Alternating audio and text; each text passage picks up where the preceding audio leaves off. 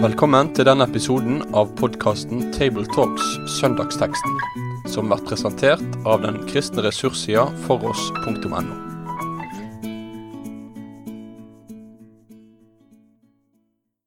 Ja, Da ønsker oss eh, velkommen til en ny episode i Tabletalks.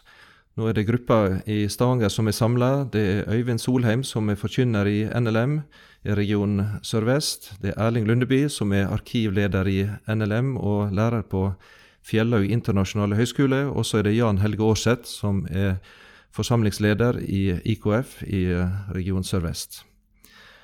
Eh, nå er det tredje søndag i advent som er dagen, og bibelteksten den er henta ifra Lukasevangeliet, kapittel 3, vers 7-18. Da skal oss først høre denne. Han sa da til folket som dro ut til ham for å bli døpt av ham, ormyngel, hvem lærte dere å flykte fra den kommende vrede? Bær da frukt som er omvendelsen verdig. Begynn ikke å si til dere selv, vi har Abraham til far, for jeg sier dere, Gud kan vekke opp barn for Abraham av disse steinene. Øksen ligger allerede ved roten av trærne. Hver tre som ikke bærer god frukt, blir hogd ned og kastet på ilden. Folket spurte ham og sa, Hva skal vi da gjøre? Han svarte dem og sa, Den som har to kapper, skal dele med den som ingen har, og den som har mat, skal gjøre likeså. Også noen tollere kom for å bli døpt, og de sa til ham, Mester, hva skal vi gjøre? Han sa til dem, Krev ikke mer inn enn det dere har fått pålegg om. Også noen soldater spurte ham og sa, Og vi, hva skal vi gjøre? Han sa til dem, Press ikke penger av noen med vold eller falske anklager, og la dere nøye med den lønnen dere har. Folkene gikk nå i forventning, og i sitt hjerte grunnet alle på om Johannes kanskje skulle være Messias. Da svarte Johannes dem alle og sa, Jeg døper dere med vann, men han som kommer er sterkere enn jeg. Jeg er ikke engang verdig til å løse skoremmen hans. Han skal døpe dere med Den hellige ånd og ild. Han har sin kasteskovl i hånden for å rense sin treskeplass og samle hveten i låven, men agnene skal han brenne opp med uslokkelig ild. Han ga også mange andre formaninger til folket og forkynte evangeliet for dem. Ja, himmelske Far, nå har vi fått høre ifra Bibelen, fra ditt ord. Ber om at du må åpne hjertet vårt og tale til oss. Bruk Den hellige ånd til å undervise og lære oss hemmelighetene omkring Guds rike og om Jesus som kom, og som skal komme tilbake. Hjelp oss å tro disse ordene og ha tillit til deg, og også ta imot den som du er i hjertet vårt. Herre, send oss ut i verden til å være vitne om ditt rike. Amen. Ja, nå har vi fått et møte med Johannes døperen, og han er da plassert inn her i adventstida på denne tredje søndagen i advent, rett i forkant av jul. En kan kanskje lure på grunnen til at eh, Johannes døperen dukker opp her. Hvorfor er han så viktig i denne tida? Ja, Kanskje fordi det på en måte ikke handler om han, men egentlig handler om Jesus når Johannes døperen trer fram. For han satte jo mye sin ære i nettopp å varsle en annens tilsynekomst. Han skulle være veirydderen for Jesus. Han var opptatt av at han som kom etter, var sterkere enn han. Så selv om Johannes døperen var en skikkelse som ble regnet for å være stor og ble lagt merke til, eh, historikeren Josefus omtaler han jo med stor respekt, så, men allikevel så var Johannes opptatt av å varsle han som skulle komme. Og advent handler jo om å forberede seg til Jesus, enten det er hans gjenkomst eller å minnes han i julen. Du hadde Erling, et uttrykk som var knytta til dette med advent og, og Johannes sin posisjon? Ja, i ei bok som jeg brukte til forberedelse for dette når vi sitter sammen her, sier at eh, Johannes var Jesus sin PR-sjef. Og som PR-sjef så er det to ting som er nødvendig å huske. Du må si det samme som den du promoterer. Du må altså ha det samme budskapet, og det er jo fascinerende å se det som Johannes taler her. Det er det også Jesus åpner sin virksomhet med. Omvend dere, for Guds rike er kommet nær. Uh, en må være så innforstått med den som du tjener, at du kan formidle det samme som den. Og så det andre er at du må uh, legge bånd på deg sjøl, slik at du ikke vokser utover og over den du skal promotere. Uh, så det er jo litt uh, morsomt å tenke på hvordan akkurat det PR-sjef kan hjelpe oss litt med å se hvilken rolle spiller Johannes. Han, han introduserer Jesus, uh, men samtidig så er det en Han introduserer en som skal være større enn seg selv. Denne, denne omvendelsesforkynneren og denne her vekkelsesprofeten, dette, denne funksjonen han hadde når han forkynte, hva, hva skjedde med folket når de fikk høre hans budskap?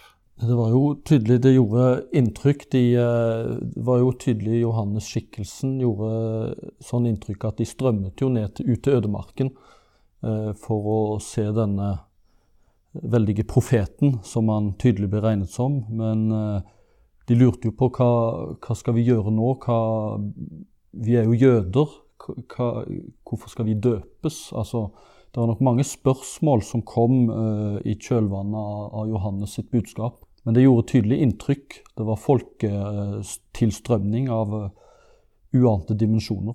Nå I denne bibelteksten så møter oss uh, litt ulike grupper. Det, først så er det folket som kommer til han, og så blir spesielt tollerne og soldatene nevnt for seg sjøl. Hva kan ligge i eh, en slik eh, oppdeling? Ja, Det er jo litt oppsiktsvekkende at eh, Johannes tar de på sett og vis alvorlig. For det var jo folk som en har gjerne sett var uglesett. Tollere var jo sett på som landssvikere. Og soldater var vel også sett på som medløpere for øvrigheten, iallfall de som gikk i romersk tjeneste. Men Johannes tar det altså alvorlig og sier at dere må omvende dere. Og du må være en omvendt toller, og du må være en omvendt soldat. Og en omvendt toller han oppfører seg på en annen måte enn tidligere. Uh, ved at du bare tar inn det som er fastsatt. Og for en soldats vedkommende, så nøy deg med lønna di, og ikke bruk vold eller falske anklager for å oppnå noe. Så, så uh, Johannes går folk i møte i den livssituasjonen der de er, og, og, og sier at uh, omvendelsens frukt skal vise seg der du lever ditt hverdagsliv. Og Det tror jeg er en lærdom for, for oss. Dette med dåpen til Johannes det har det vært litt ulike tanker omkring. Nå kjenner vi til at uh, i den jødiske forsamling så var det vanlig å døpe hedninger når de kom til tru i en jødisk sammenheng. En proselyttdåp. Eh, men likevel eh, var det vanlig at jøder ble døpt på den måten som Johannes eh, gjør det. Hva tenker du, Erling? Nei, Så langt jeg har forstått det, så var det ikke vanlig. Så når Johannes her innbyr etniske jøder til dåp, så er det i seg selv oppsiktsvekkende. For da behandler han de som om de var hedninger. Eh, og vi ser jo språket han bruker også. Eh, han, han, sier at du kan ikke gjemme deg bak eller trekke fram eh, etniske kortet ditt, liksom. Eller at du er Abrahams barn, eller Vi har alt vårt på det tørre. Fordi eh, her er det snakk om frukt og en omvendelse som, som, må vise seg, og ikke noe annet holder innenfor Gud i den kommende dommen som han forkynner. Og her var Johannes da en vekkerøst ifra Gud, en røst som roper, som eh, profeten Jesaja også nevner på. Eh, nå ser vi at dette med Johannesdåpen har, vært sett på på litt ulike vis. I noen sammenhenger så har den blitt knytta til den kristne dåp. Eh, og det har blitt sagt at vi må bli døpt på samme måte som Johannes døpte. Nå er Johannesdåpen ikke en kristendåp. Det er ikke en dåp i i den treende Guds navn. Når vi eh, hører om den kristne dåpen, så vil vi eh, høre i Matteus 28 at det er snakk om å bli døpt i eh, navnet til Faderen og Sønnen og Den hellige ånd. Det er ikke slik hos Johannes. Det er først Jesus som innstifter den kristne dåpen, slik som den er knytta til den kristne kirke. Johannesdåpen var en omvendelsesdåp, en, en vekkelsesdåp, en bekjennelsesdåp. Eh, der vekkelsesprofeten og predikanten Johannes talte Guds ord, og så ble samvittigheten dømt. Og så kom folket for å bli døpt, for å bekjenne sine synder. Så det var en eh, dåpshandling der de bekjente at de var syndige, at de sto under Guds dom, og der de trengte frelse og frihet. Eh, Johannesdåpen er altså en eh, bekjennelsesdåp, og en eh, dåp der du bekjenner at du er syndige og trenger eh, Guds frelse og vil vende om.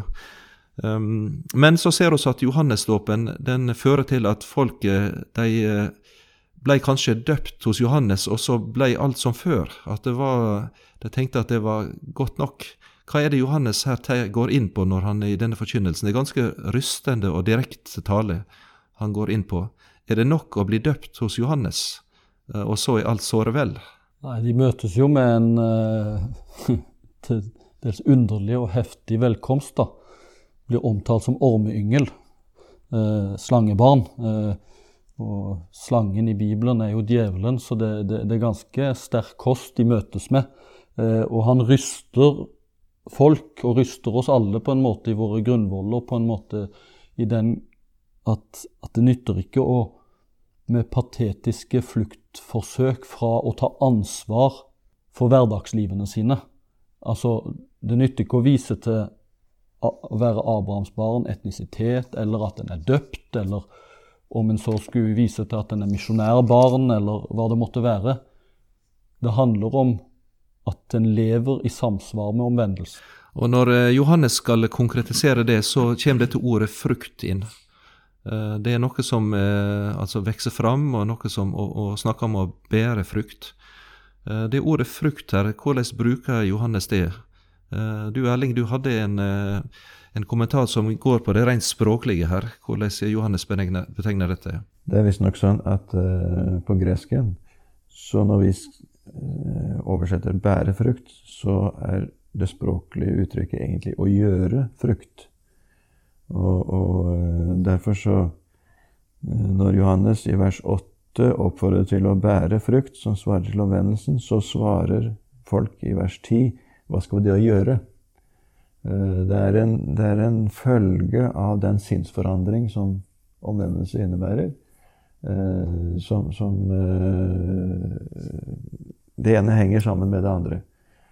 Og, og, og, og du tar noen grep i livet som følge av omvendelsen som viser at eh, det er en sinnsforandring på dypet, ikke bare en ytre rituale de har gått gjennom. Så dette møtet med Gud som eh, Johannes ga, og, og dermed med samvittigheten, det, det, skapte altså noe nytt i mennesket eh, i møte med det, som ga seg synlig utslag. Kan en si det slik? Helt uh, åpenbart, fordi uh, Johannes også, når han tiltaler de ulike gruppene etterpå, så går han inn i det som er hverdagen deres, og peker på uh, Før så drev du ditt fag på den måten, men nå skal du gjøre det på en annen måte, som svarer til den omvendelse som du nå sier har skjedd i ditt hjerte. Og Hvis ikke den forandringen i livet er der, så eh, er heller ikke omvendelsen på dypet eller rett, eller hvordan vi skal omtale den. Da er du ikke alvorlig, da er du ikke seriøs i, i, det du gjør. Nå er det mange i dag som vil snakke om eh, et livet med Gud og, og, det å erfare Gud eller oppleve Gud som på det, på det indre plan. Altså det å oppleve Guds nærvær og Gud, at Gud er til stede som en, en, en, en, et salig opplevelse på det indre. Men eh, hva er det egentlig Johannes fokuserer på her? Ja, han fokuserer direkte på ditt praktiske hverdagsliv. At du kan ikke regnes for å være rettferdig hvis du behandler dine ansatte urettferdig. Du kan ikke regnes for å være god hvis du, hvis du ikke deler med de som har mindre enn deg. Eh, eh, og, og, du kan ikke regnes som respektert om du utnytter din stilling eller din posisjon til å, å, å få egne fordeler. Eh, her snakker han jo konkret til soldaten og til tolleren om at de ikke skal utnytte sin posisjon eh, i hverdagen til å berike seg eller til å få fordeler. Og den som har en kjortel ekstra, den skal gi til den som mangler en kjortel. Så her er det konkrete, enkle ting som alle på en måte kan kan gjøre. Eh, dette til å utnytte sin posisjon og til å trø ned på andre. og ser vel eksempel på det i vårt samfunn, at det får veldig store konsekvenser. i det, hvis du tenker på den metoo-kampanjen som f.eks. nå alt som blir bretta fram av der en, en, ofte i en maktposisjon vil trå ned og utnytte andre. Vi kan vel si også at uh, teksten vår her, den understreker i veldig stor grad omvendelsens nødvendighet, og at det må vi snakke om også i kristen forkynnelse. Det er en tankegang i dag om at kristen tro egentlig bare er et perspektiv, et tolkningsperspektiv. Uh, og at hun vil tone ned det med omvendelse. Men, men, det går som en rød tråd gjennom hele Bibelen. At eh, den som vil eh, Det er et brudd med det gamle, og du må innlede det nye. Hvis vi skal trekke opp et, et enda større lerret, så går vår tekst her inn i Eh, det at det blir som et nytt utgangen av Egypt. For eh, Esaias, teksten som er rett før vår, snakker om det. Det blir som et nytt utgangen av Egypt. Og det er ut av trellekår og inn i frihetens land. Så det er ut av noe gammelt, inn i noe nytt nå. Og den, den kallet til omvendelse, det må ikke forstumme i den kristne kirke. For, men for noen så, er, så er det, sitter det veldig langt inne. Det, det går liksom folk for nære. Men vi møter i evangeliene Johannes. Jesus sier det i Johannes 8 til den kvinnen som, som ble tatt til hor. Sikkert sammen med også den mannen, men han slapp unna. Heller ikke jeg fordømmer deg, men gå bort og synd ikke mer fra nå av. Så, han, han, han, delte ikke ut eh, nåde til henne, for å si det sånn, uten å si at det, dette er ikke der du skal være. Det er et nytt liv som er, er, er bestemt for deg. Og tro og praksis hører veldig tydelig sammen. Og ord og handling. Altså, Johannes, evangelisten, skriver jo seinere i 1. Johannes brev kapittel 3 og vers 17 at men den som har jordisk gods og ser sin bror lide nød og likevel lukker sitt hjerte for ham, hvordan kan kjærligheten til Gud bli værende i ham? Mine barn, la oss ikke elske med ord eller tunge, men i gjerning og sannhet. Det går litt i samme som det Johannes sier. Altså, jeg imponeres ikke av ord eller av tittel eller navn, mhm. men hvordan du lever. Altså, Det imponerer ikke den fattige om du sier at du er glad i han, hvis du allikevel holder igjen det du har som han trenger. Og, og Her er vel omvendelsen som Johannes eh, forkynner fra Gud, den, den, berører oss eh, veldig på det private og personlige plan. Det er ingen som kan sitte i møte med dette og si at ja, men jeg er unntatt, eller jeg er så snill og jeg er så god. Eh, men det rører hverdagen vår, um, i heimen vår, hvordan så forholdet til ektefelle og andre mennesker på jobben eh, og på fritid. Så det, det er veldig altomfattende. Eh, og det er vel egentlig en, på en måte Guds bud som blir brakt inn i hverdagslivet vårt. Midt i dette med, med, med det å vende om ifra egenkjærligheten og det syndige til Gud, og vende seg til Guds gode vilje og til Guds gode tanker om, omkring livet. Eh, og da kan vi se at egentlig så er ramma for det, det er Guds kjærlighet. Eh, fordi eh, lenger ute er jo i Lukasevangeliet, når Jesus nevner på dette med, med, med Guds bud, så er han også veldig konkret. Det er denne fortellinga om den barmhjertige samaritan. Eh, som hjelpte den forslåtte og den forkomne. Og, og ramma omkring det, det er dette som budet sier. Du skal elske Herren din Gud av hele ditt hjerte og hele din sjel og av all din kraft og all din forstand, og din neste som deg selv. Så det er på en måte, hvis en tenker en omvendelse, så er det en omvendelse bort ifra egenkjærligheten og egenrettferdigheten til Guds kjærlighet. Eh, og, og at den får prege oss og, og, og bære frukt ut i livet i, i hverdagskjærlighet og hverdagsgjerninger i de, de tingene som er nevnt her. For å slå på samme spikeren med et ord av Paulus, Rombrevet 12,2. Innrett dere ikke etter den nåværende verden, men la dere forvandle ved at sinnet fornyes, så dere kan dømme om hva som er Guds vilje, det gode, det som er til glede for Gud, det fullkomne. Så Det er Paulus' måte å snakke om det samme på. Så det er, det er en rød tråd gjennom hele Bibelen. Men jeg tenkte på det når vi snakka om å dra det etniske kortet, så sier eh, Johannes som svar her til de Vi har Abraham til far. Men så sier, svarer Johannes Gud kan reise opp barn for Abraham av disse steinene. Der eh, er det visstnok et, et ordspill. Eh, fordi på eh, amharisk Aramaisk, aramaisk så er det etter all sannsynlighet eh, Banim Abraham. Det er barn av Abraham. Mens Abanim Abraham, det er stener. Abrahams stener. Sånn så eh, Johannes eh, slår tilbake til dem og, og, bruker et ordspill der. Eh, og så klinger også Eh, Esekiel 36 med i bakgrunnen her, hvor, hvor eh, folk hadde hjerter av sten. Ja. Så det er en, en veldig liksom, tung eh, ordbruk som, Paul, som, Johannes bruker her for å, å, å, vise sitt poeng. Og det urimelige i det de eh, snakker om. Fordi eh, Esekiel sier også stenhjerte det må byttes ut med et kjøtthjerte. Og da er vi vel litt med i bildet med treet og frukten òg, at, at, eh, et godt tre bærer god frukt.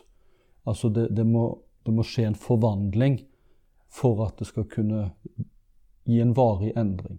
Og da er det litt interessant at Johannes innevarsler en som er større, som skal òg døpe med Den hellige ånd og ild. Altså denne forandringen i menneskelivet kan vel egentlig strengt tatt bare skje når han kommer, han som som kan forandre hjertene.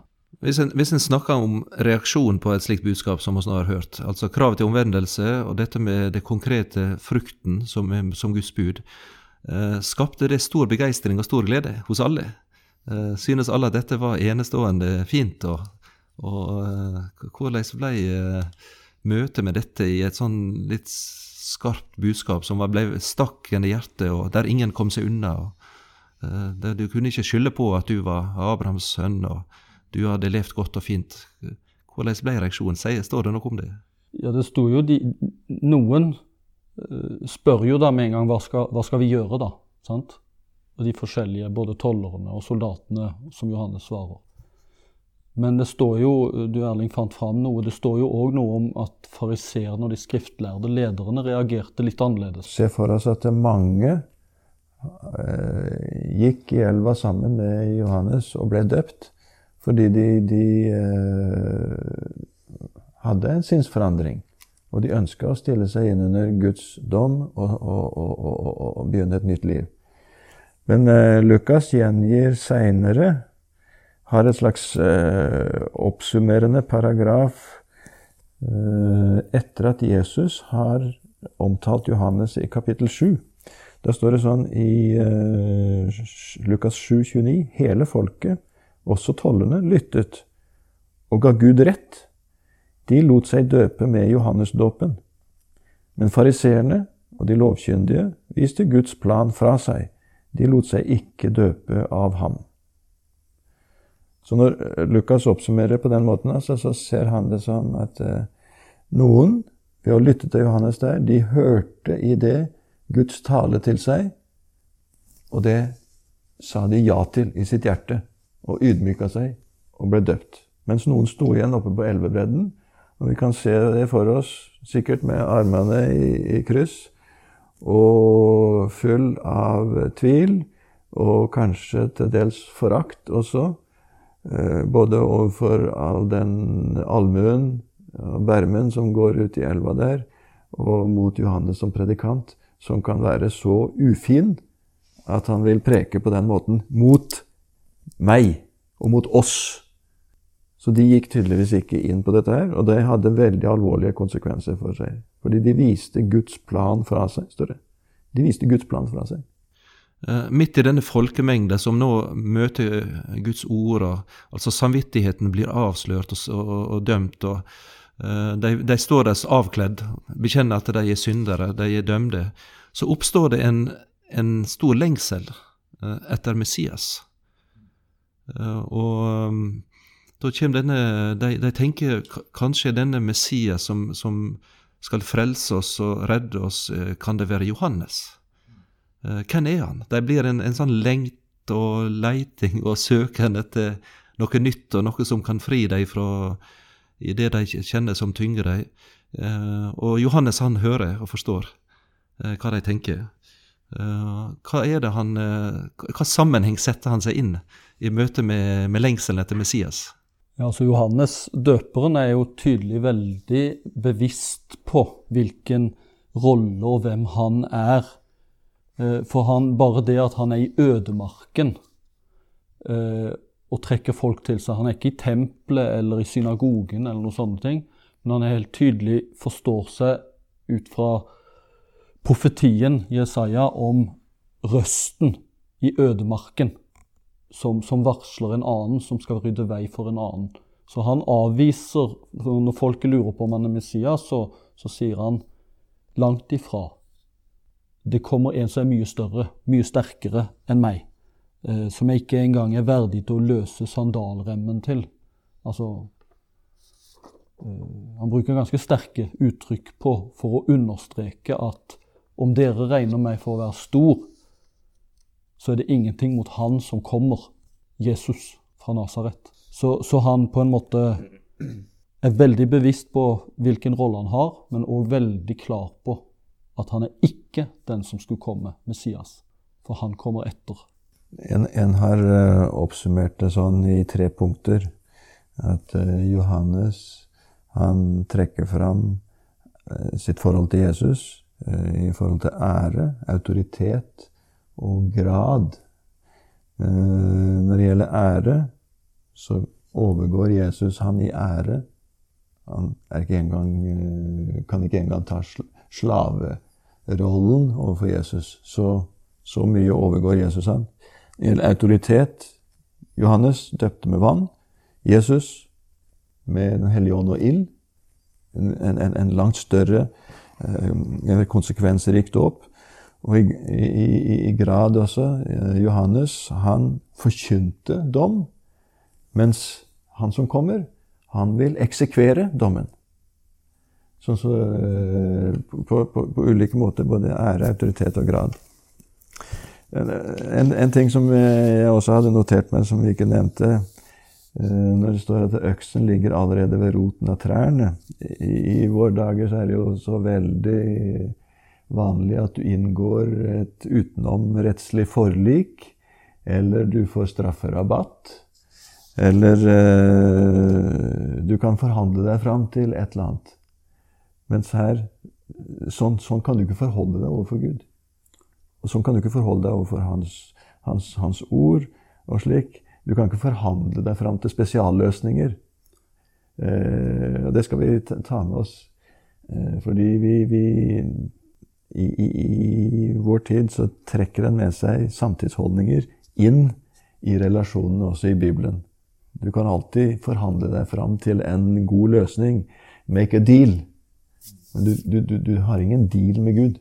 Og det er jo interessant å se at Johannes her, når han varsler han som skal komme, så snakker han om han som en snakker om Gud, sånn som de omtalte Gud i sin samtid. Og profetien hos Jesaja som, som Johannes går inn i, den, der snakkes det om å være veirydder for Herren, Gud selv.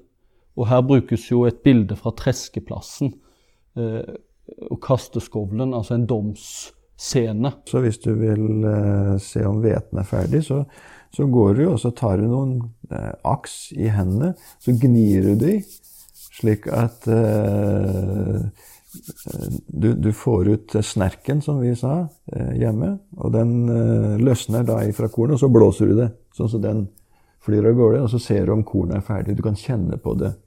Og det er det som er tresking i ulike kornslag at eh, du Kornet er jo omgitt av mer eller mindre beskyttelse, som når kornet modnes, tørker og, og, og er av en helt annen vekt. Og når det da løsner, så kan vinden ta det. Så tresking består, egentlig av at du slår korn hardt i en treskemaskin i moderne tid. Men i gamle dager så, så dro de tunge ting over eh, neka som lå på bakken, og sånn, slik at dette her ble røska i. Og så tok de en gaffel og letta dette her opp i lufta.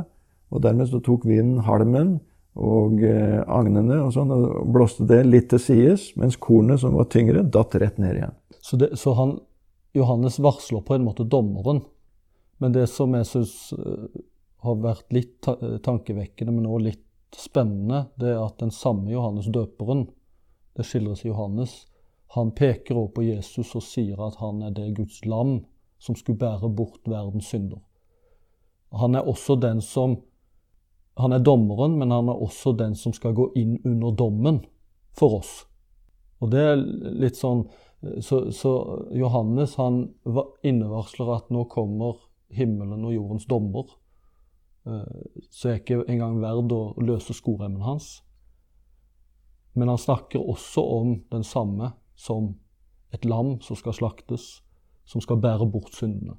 Så det, så det ligger en sånn uh, underlig dobbelthet i, i, i, uh, i den, den, som skal komme. Ja, Johannes han uh, beskriver seg sjøl at han døper med vann. Altså dette med denne bekjennelsen der en står fram og bekjenner er syndige og trenger frelse. Og så beskriver han Jesus gjerning at han døper med Den hellige ånd og ild. Uh, altså den som kanskje innebærer dette, men den som kan rense det ureine, som kan frelse, og som kan gi liv til de døde. Den hellige ånd. Er det noen beskrivelser? Hva tenker dere om, om denne skildringa som Johannes gir? Sier oss noe om at Jesus skal komme med noe livsforvandlende. Han, han, eh, han eh, skaper nytt liv, og han renser. Og denne ilden, kanskje står det for Guds nærvære, altså at Gud selv blir oss nær, stiger inn i våre liv.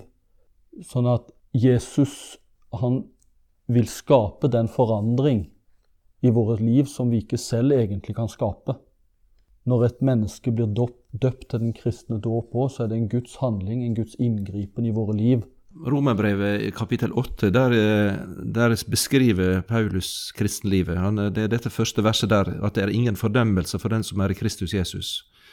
Uh, der nevner han det med ånden uh, når det gjelder det nye liv. Og Der har vi dette nokså kjente verset i vers 15, Roman 8, 15, at dere fikk jo ikke trelldommens ånd så dere igjen skulle frykte, men dere fikk barnekårets ånd, som gjør at vi roper Abba far. Eh, og Ånden selv vitner sammen med vår ånd at vi er Guds barn. Og er vi barn, da er vi også arvinger. Altså, han beskriver det indre, nye liv i en truende, og der er Den hellige ånd til stede. Ikke bare at eh, Gud kommer, men han vil flytte inn i, i, i hjertet til en troende. Skape et, et nytt liv og et, en indre forandring som er er en helt total om, om, sånn, eh, omsnug, en nyskapelse. Tror vi er inne på noe der uten at jeg føler vi kan liksom konkludere helt sikkert. Men det er jo en kjensgjerning at leser vi Bibelen fra først til sist, så er ild veldig ofte et veldig synlig tegn på Guds nærvær. Helt ifra begynnelsen av. Den brennende tornebusk Eh, en ild gikk mellom offerstykkene eh, i Abrahams liv i første Mosebok. Eh, du har ilden på Karmel, som var et tegn på Guds inngripen. Du hadde tem I tempelet så skulle det alltid brenne en flamme som tegn på Guds nærvær. Da, Gud, da tempelet ble innvidd på nytt igjen, så, så, så, så fylte tempelet seg med, med, med røk Eh, som tegn på, på eh, ild igjen, på samme måte som folket hadde en ildstøtte å, å følge etter i ørkenen. Altså, ild eh, er iallfall et tegn på Guds nærvær i veldig mange sammenhenger. Så det er ikke en urimelig tolkning, som vi ser. Men, men det er jo litt Vi skal se også det at øverst i teksten vår så blir Trærne som ikke bærer god frukt, greinene som ikke bærer frukt, de blir kasta på ilden. Og da er det dom det er snakk om. Og til slutt i vår tekst også agnene brenner han opp med en ild som aldri slukner. Der er det også dom. Men, men, men eh, det er den ild da i, i, i, den betydning at eh, det er ikke noe urent som kan bestå for Guds åsyn. Eh, Jesus bruker vel litt av dette sjøl i samtalen med Nikodemus i eh, Johannes kapittel 3. Når det gjelder dette å, å finne livet og, og, få komme inn i Guds rike og bli en del av det. Og Der snakker han om dette at en må bli født av vann og ånd for å komme inn i Guds rike. Og ikke av kjøtt, av menneske, men av ånd, Den hellige ånd. og bli født på ny, som, som det er nevnt her. Så der er vel denne, kanskje noe av dette, den nye fødsel og det nye liv som Jesus sjøl bruker. Hvordan får en det? Hvordan blir det, får en del i det? Jo, ikke sant så kommer Johannes 3,16 om den lille Bibel, der Jesus forkynner dette at så høyt har, høyt har Gud elsket verden, at han ga sin sønn den enbårne, for at hver den som tror på ham, ikke skal fortapes, men evig liv. Så her ser vi at Jesus, når han på en måte anvender dette Eh, hvis en skal kalle det det å bli døpt med Den hellige ånd og ild, og snakke om en ny fødsel, så er det trua på Jesus som er det store skillet. Eh, det handler om forholdet til han og å ta imot han. Å se på han sånn som folket ble bedt om å snu seg og se på slangen i ørkenen. Fokusere, feste blikket på Jesus. Ja, det er omvendelsen. Da skaper Gud det under i, i oss. Ellers så eh, tenkte jeg også, nå som vi går mot slutten, at eh, Johannes snakker mye om dommen her. Og det kan jo eh, vekke slags eh, veldig negative følelser hos veldig mange. Og de opplever det, så klart eh, dom som kaldt oppgjør. Det er negativt. Men i en litt større sammenheng så er jo det egentlig et håpstegn. Fordi eh, dommedag, det innebærer eh, et løfte om at en gang så skal alt det som er eh, galt og, og, og, og slik, det skal rettes opp. Og det er Jesus som skal stå for det. Så det, det er noe som vi skal holde fram og, være frimodige på. Det er egentlig ganske mange som eh, preker som Johannes eh, i våre dager. Eh, men det er, noe, det er, ikke noe, liv etter dette her. Det er, det er ikke noen perspektiver over det. Sånn som eh, f.eks. miljø- og, og, og, menneskerettighetsaktivister. De har en voldsom patos. Nesten som en slags eh, moderne eh, Johannes døpere, altså. Eh, men det er ikke satt inn i en større sammenheng. Det er ikke satt inn i en sammenheng. Sånn så uh, egentlig dommen i betydningen når skal urettferdighet, når skal Guds rike komme, det blir stående åpent. Men, men, men eh, Johannes han, han, kan eh, preke dom med, med det til følge at han introduserer den som faktisk skal bringe den rettferdige dommen. Og tenk på alle de som lider. Det vi snakka om før i, i, i, vår gruppe her. Eh, hvis ikke den som lider, visste at en dag så vil det bli gjort opp for, så hadde det vært utrolig tungt og kanskje umulig å bære lidelsen. Det er ikke sikkert jeg ser det i min levetid, men Gud vil sette alt i rette skikk én gang. Og Det er den, den, konteksten som også Johannes' forkynnelse må, må stå i. Når vi hører Johannes snakke om Messias som skal komme, så kaller han han for Han som kommer. Og da er vi midt inne i adventstida. Eh, Øyvind, kan du si noe om det håpet som ligger i det?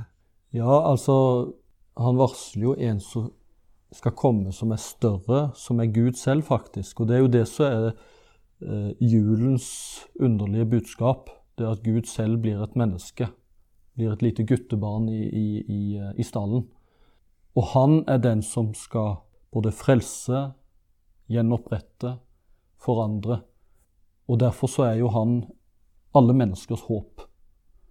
Derfor så er jo advent og, og julen det er håpets tid. For, for, vi venter på Han som skal komme med frelse og sette alle ting i rette stand. Og julen, da minnes vi at han faktisk er kommet. Det er julens mysterium. Kjære Herre Jesus, vi takker deg for teksten her, og vi ber om at vi må ta den inn over oss. At vi heller ikke i våre liv trekker eh, kortet at vi er da nordmenn, vi er da av god kristen familie, vi har en lang tjeneste i Guds rike bak oss osv.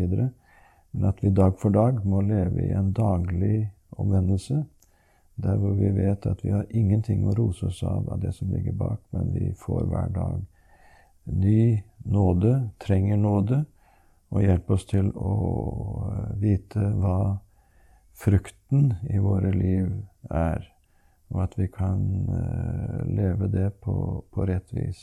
Ikke for oss selv, men for andre. Sånn som Johannes formante til her, og som vi lærer ellers i evangeliene og i brevene. og at vi får eh, eie ditt nærvær, du Hellige Ånd, og, og den rensende ild som Guds nærvær er til enhver tid i livet våre. Ber også for de som lytter, at vi kan få bære det fram med frimodighet når vi skal tale og vitne om dette, slik at det kan bli eh, liv og fornyelse, og ikke bare tunge krav eh, i en hverdag som er stressa og oppjaga fra før av. Så takker vi også for at eh, vi vet at du kom i jula, og det er du som skal holde dommen, og at du vil eh, gjøre det på en rettferdig og god måte. Og det er vårt håp. Og at vi ser til deg som den rettferdige dommer og lengter etter Guds rike. Amen. Med det sier vi takk for følget for denne gang. Finn flere ressurser, og vær gjerne med å støtte oss på foross.no.